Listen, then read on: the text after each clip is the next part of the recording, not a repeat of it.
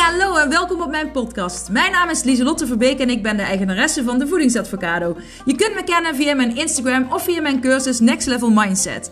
Want dat is wat ik doe. Ik help mensen naar een next level mindset en gezond leven in de breedste zin van het woord. En niet voor een tijdje, maar echt als een levensstijl. Ik heb een enorme passie voor gezond leven en mindset. Want hoe werkt dat nou, je mindset? Hoe kun je successen behalen en hoe kun je patronen doorbreken? Kortom, voor een next level mindset ben je hier aan het juiste adres. En ik heb er weer zin in. Yes, gezellig! Woo! Hola, good morning, sunshines! Het is weer maandag. Tijd voor een nieuwe podcast. Ik zit hier in mijn praktijkruimte met een dekentje en mijn kachel staat aan. Ik heb het koud. Ik ben net 8 kilometer wezen skileren. En ik moet nog in de douche. Dus ik ben nu helemaal aan het afkoelen. Dus ik heb het super koud. dus ik warm me nog even op. En dadelijk, eh, als ik klaar ben met de podcast opnemen, ga ik lekker in de douche. Um, ja, welkom weer. De eerste van het tweede seizoen. Ja, en het, ik noem het nummer 101. Want we gaan gewoon door uh, met tellen naar de 200. En het grappige is. Nou ja, grappige. ik kwam er dus achter dat uh, nou ja, iemand die stuurde mij op Instagram een bericht dat, dat ik twee nummer 99's heb opgenomen. En dat dus vrijdag, toen ik dus helemaal uh, feestelijk uh, aan het vieren was dat ik de honderdste podcast opgenomen had, uh, was het dus eigenlijk podcast 101. Dus dat is echt typisch mij dat dat dan gebeurt. Want dan, ik zei toch, het laatste, dan, dan heb je die spanning en, en zo van, oeh, de honderdste en dat moet speciaal zijn. En dan krijg je die spanning en ik denk dat ik daardoor gewoon twee nummer 99's op heb genomen ik wil de onbewuste spanning opbouwen zo. En ik moet ook zeggen, ik heb een paar weken terug dacht ik van, oh, die, op vrijdag, op, op die vrijdag, dan ga ik de eerste van het tweede seizoen opnemen. Maar in de loop uh, der uh, tijd, dus de dagen verstreken en het doorfluisteren met mezelf, verliep niet zo best, want uiteindelijk werd het dus die vrijdag is de laatste van seizoen 1. Dus in plaats van de eerste van seizoen 2, de laatste van seizoen 1. Nou ja, ik vond het wel grappig. Er waren ook mensen die mij een berichtje stuurden. Oh ja, ik had het ook wel gezien. Maar ik dacht, je hebt het expres gedaan. Er komt nog een soort van, ja, clue achteraan. Maar nee, het is gewoon echt per ongeluk gebeurd. En het, het, past, ja, het past gewoon bij mij.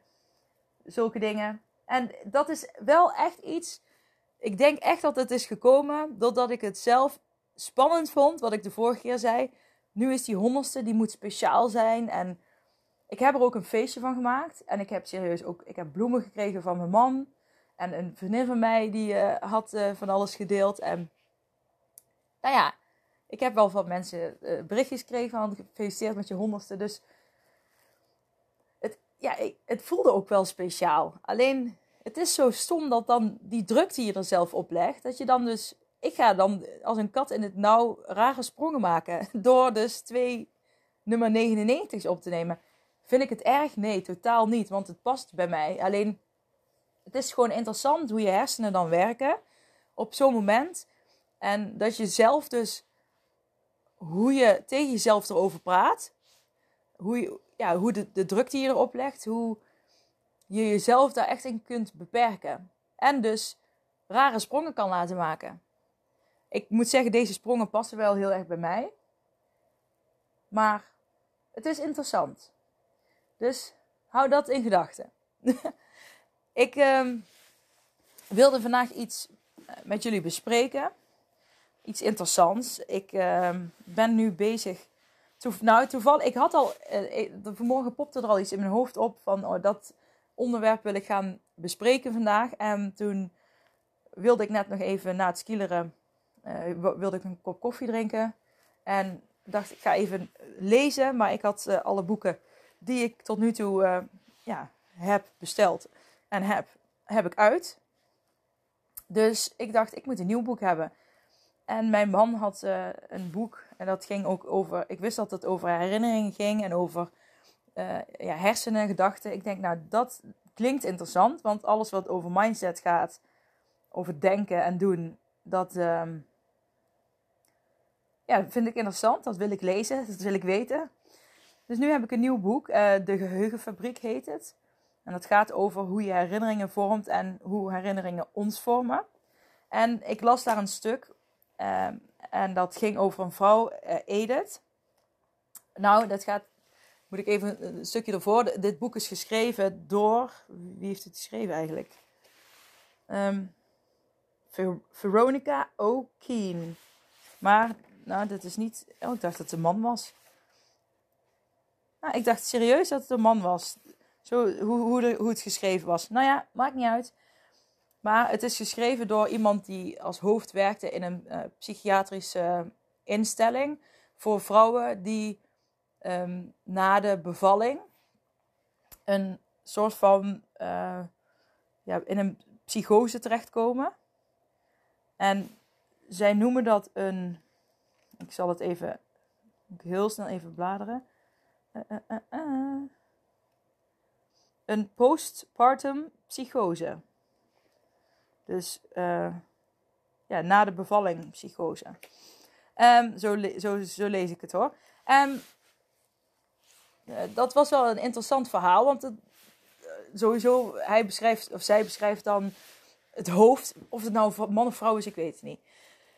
Ik zeg hij, want zo voelde het als hij. Um, hij beschrijft dan dat zij uh, bij hem binnenkwam. Zij was bevallen en zij trok zich heel erg terug. Zij uh, thuis, zij praatte niet meer. Zij zorgde niet voor de baby, maar ging s'nachts wel dwalen door huis. En ze was helemaal in haar eigen wereldje. Ze maakte geen contact meer met anderen en stopte op een gegeven moment ook met eten. En toen is zij opgenomen bij die instelling. En zij reed toen langs een kerkhof. En toen dacht ze ook, er stond een, grafsteen uh, stond scheef. En dan, dan denkt zij dat haar uh, baby daar ligt. En dat, de, ja, dat er een andere baby uit is gehaald. En dat haar baby verwisseld is. En een wisselbaby. Misschien heb je ooit van die term gehoord. En dan, haar man is ook verwisseld en iedereen zit in een complot. complot uh, complotdenkers. Nee, iedereen zit in een ja, complot tegen haar. En ook de mensen van de instelling waar ze dus niet vrijwillig is opgenomen. Dat ze, die horen allemaal bij elkaar. En uh, ze willen ook geen pillen slikken en dergelijke. Omdat dat, al, dat is gif. Nou ja, ze, ze heeft helemaal... Uh, zit ze in haar eigen wereld. Het eerste interessante wat ik met jullie wil delen is... Zij hoort de stemmen hè, die tegen haar praten. Zij hoort stemmen. Uh, zij voelt ook lichamelijke sensaties die voor ons niet echt zijn. Hè, zij hoort bijvoorbeeld een stem en daar praat zij op terug. Maar wij zien dan iemand die gewoon ineens begint te praten tegen de lucht en om, om zich heen kijkt. Maar zij is dan bijvoorbeeld een gesprek met iemand aan het voeren. En het interessante is dat voor haar hersenen uh, is dat. Is die zintuigelijke prikkel, of die auditieve prikkel, die is er echt. Auditief is hè, de gehoor. Dus zij, eh, voor haar is dat echt. En die prikkel is er echt. En dat wordt dan ook als waarheid gezien. En nou ja, uiteindelijk uh, uh, komt zij, uh, wordt die stem zachter in haar hoofd en uiteindelijk gaat ze wel antipsychotica slikken, waardoor, dus die, waardoor ze dus langzaam uh, bij een beetje uit die psychose komt. Volgens mij na enkele weken is er al uit en dan komt ze in een soort van uh, ja, angst. angst. En uiteindelijk mag ze naar huis, maar wel getraumatiseerd natuurlijk. Ook omdat ze het gevoel heeft dat ze haar baby ja, verwaarloosd heeft. En, maar ze ziet in ieder geval weer dat het haar baby is en niet een wisselkind. En bla bla bla. Maar dan voelt ze zich een hele slechte moeder, omdat ze zo, zulke gedachten heeft gehad. En uiteindelijk komt zij dus weer bij die, uh, nou, ik noem het even psychiater.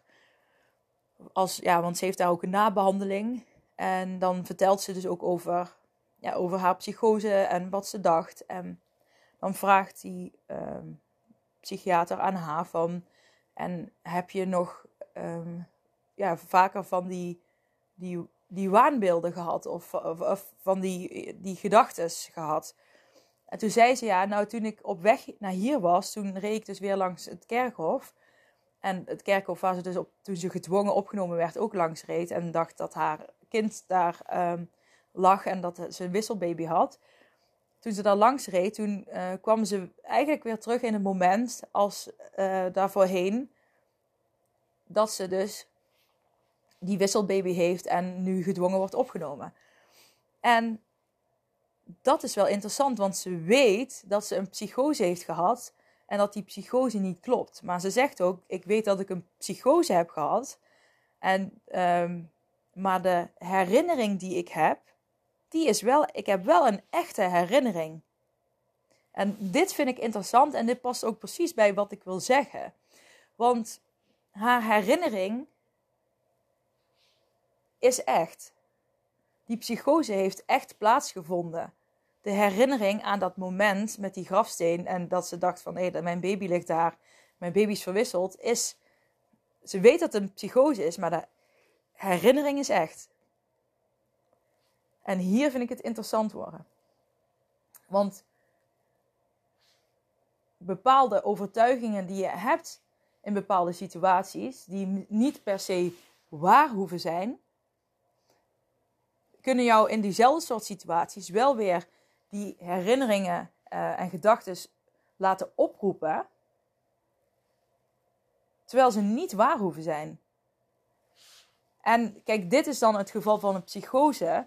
Dus, en deze vrouw die weet, het is niet waar. En um, hè, toen was het wel waar. Voor haar gevoel was het 100% echt.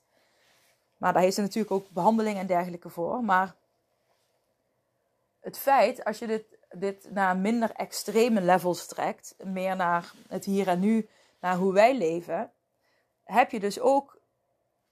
Nou ja, ik denk dan altijd als je in de spiegel kijkt op, ja, op bepaalde momenten en je gaat naar tegen jezelf praten, je gaat jezelf afkraken. En als je dat maar vaak genoeg doet, hè, dat, dat, dat, dat, dat wordt sowieso eh, wat je tegen jezelf zegt. Geef je aandacht en dat ga je als een soort waarheid aannemen. Hè. Dat is ook wat je uitzendt naar het universum. Dus dat versterkt het alleen nog maar, dat magnetische uh, stuk. Maar ook herinnering, herinneringen. Bijvoorbeeld, je, je, je staat dan eh, weer voor een spiegel waar je vroeger in je ouderlijke huis altijd voor stond en negatief uh, tegen jezelf praat. En je staat daar tien jaar later weer voor. Dan kan het zijn dat je weer al die negatieve gedachten in je opkomen. En dat je niet per se uh, dat linkt naar gedachten van de vroegere jij. Maar dat je die gedachten weer opnieuw als waarheid aanneemt. Omdat het dingen zijn die getriggerd worden vanuit jouw herinnering. En het is, de herinnering is echt. Snap je een beetje waar ik naartoe wil? En, want dat, het is echt interessant hoe dat werkt. Ik ga het boek zeker vandaag nog verder lezen. Omdat ik um, nog nieuwsgieriger ben naar hoe het gaat aflopen uiteindelijk. Want het, volgens mij gaat het hele boek daarover.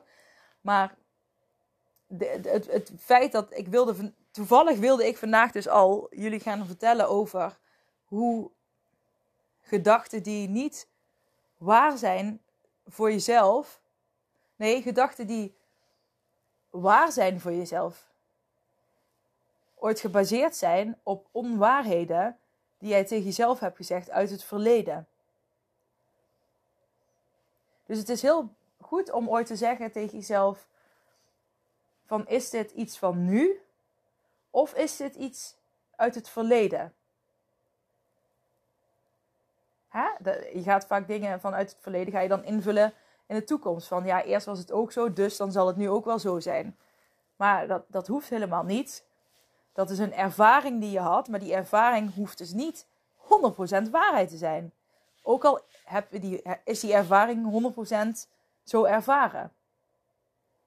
Dus je kunt jezelf heel erg misleiden door ervaringen, gedachten, ja, gewoon dingen die je dagelijks doet. En als je daar heel erg diep over na gaat denken, dan wordt het heel ingewikkeld voor jezelf. Want, dan, want wat is wel waar, wat is niet waar? Hè? Alles wat je tegen je zegt zijn in principe maar hersenspinsels. En zijn die waar? Nee, je hersenspinsels zijn sowieso per definitie maar hersenspinsels. Die hoef je niet als waarheid aan te nemen. Daarom is het belangrijk om niet altijd bezig te zijn met wat je denkt, maar bezig te zijn met wat je voelt. Want je gevoel is veel, ja, je gevoel is voor mij uh, meer de waarheid. Of dat 100% de waarheid is. Nou ja, ik zou zeggen van wel. Ik zou persoonlijk zeggen, ja, je gevoel spreekt eigenlijk altijd de waarheid. En als je je focust op je gevoel, en als je je gevoel volgt, en dan vooral je enthousiasme volgen, waar ik het al vaker over heb gehad, dan volg je het pad wat bij jou past. En ja, dat, dat, dat, ja, ik wilde er nog meer zo, denk ik, ga nog, nog dieper erop in. Maar ik denk dat ik het hier wel. Ik, ik hoop dat jullie de boodschap begrijpen die ik hierbij wil zeggen. En de, grootste boodschap is eigenlijk dus. Soms heb je herinneringen uit het verleden die voor jou uh, 100% waar uh, waren, want dat zijn jouw herinneringen.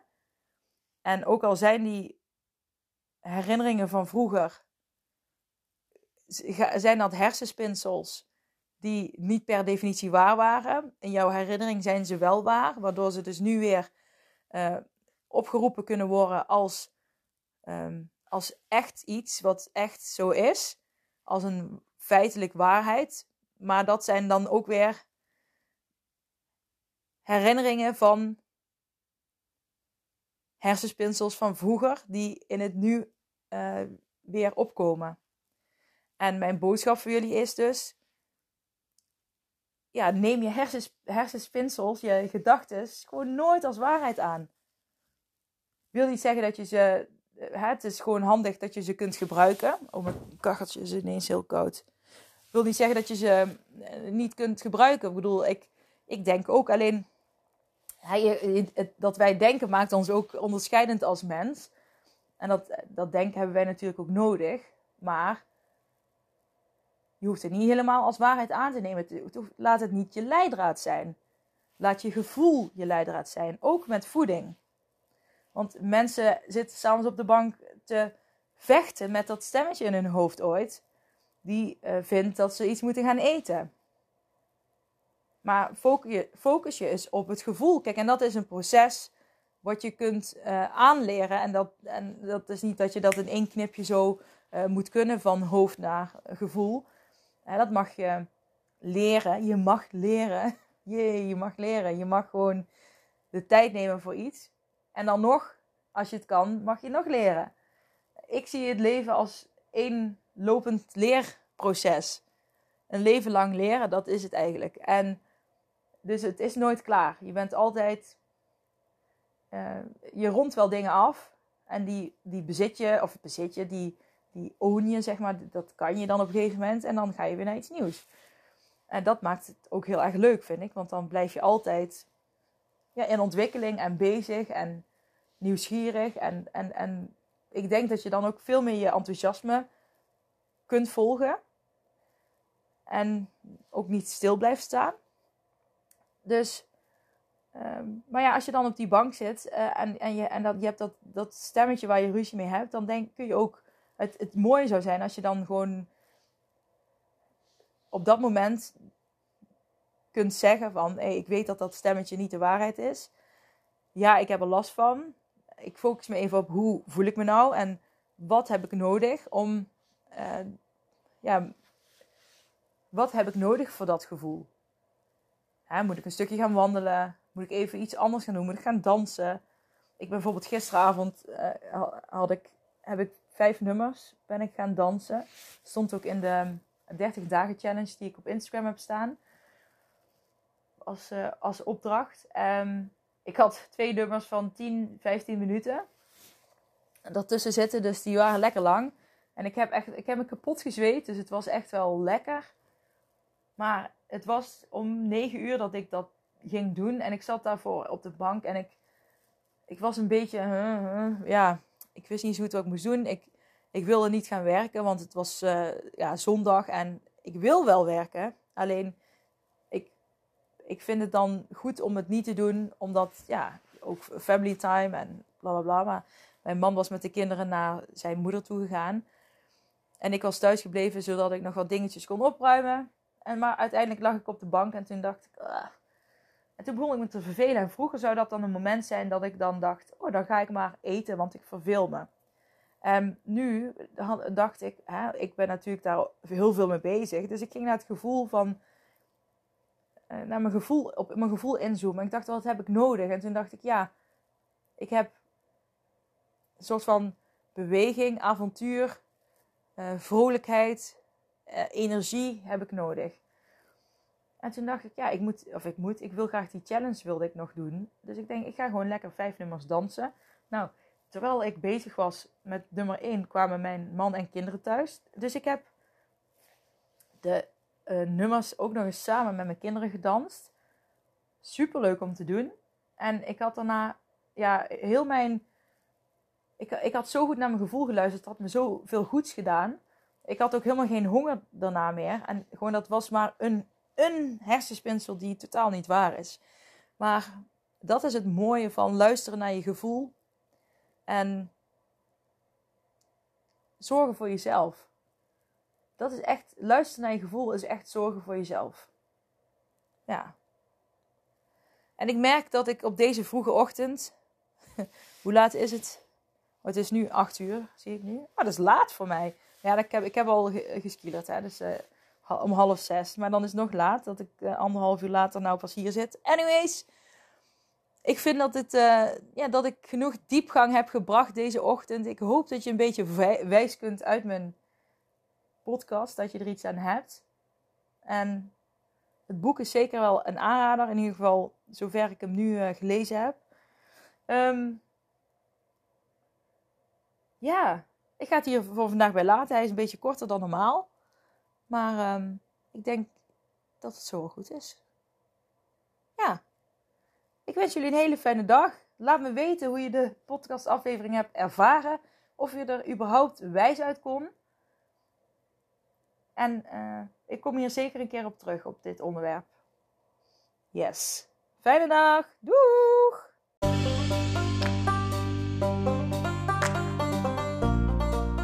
Dat was het weer voor deze keer. Bedankt voor het luisteren en voor alle gratis content die ik deel. Zou ik je één dingetje terug mogen vragen? En dat is om een printscreen te maken van deze podcast en deze te delen op social media met vrienden, familie en of collega's en iedereen waarvan jij denkt: dit moet je horen. Op die manier kan ik nog meer mensen bereiken en nog meer mensen helpen om naar een next level mindset te kunnen komen. Oké, doeg!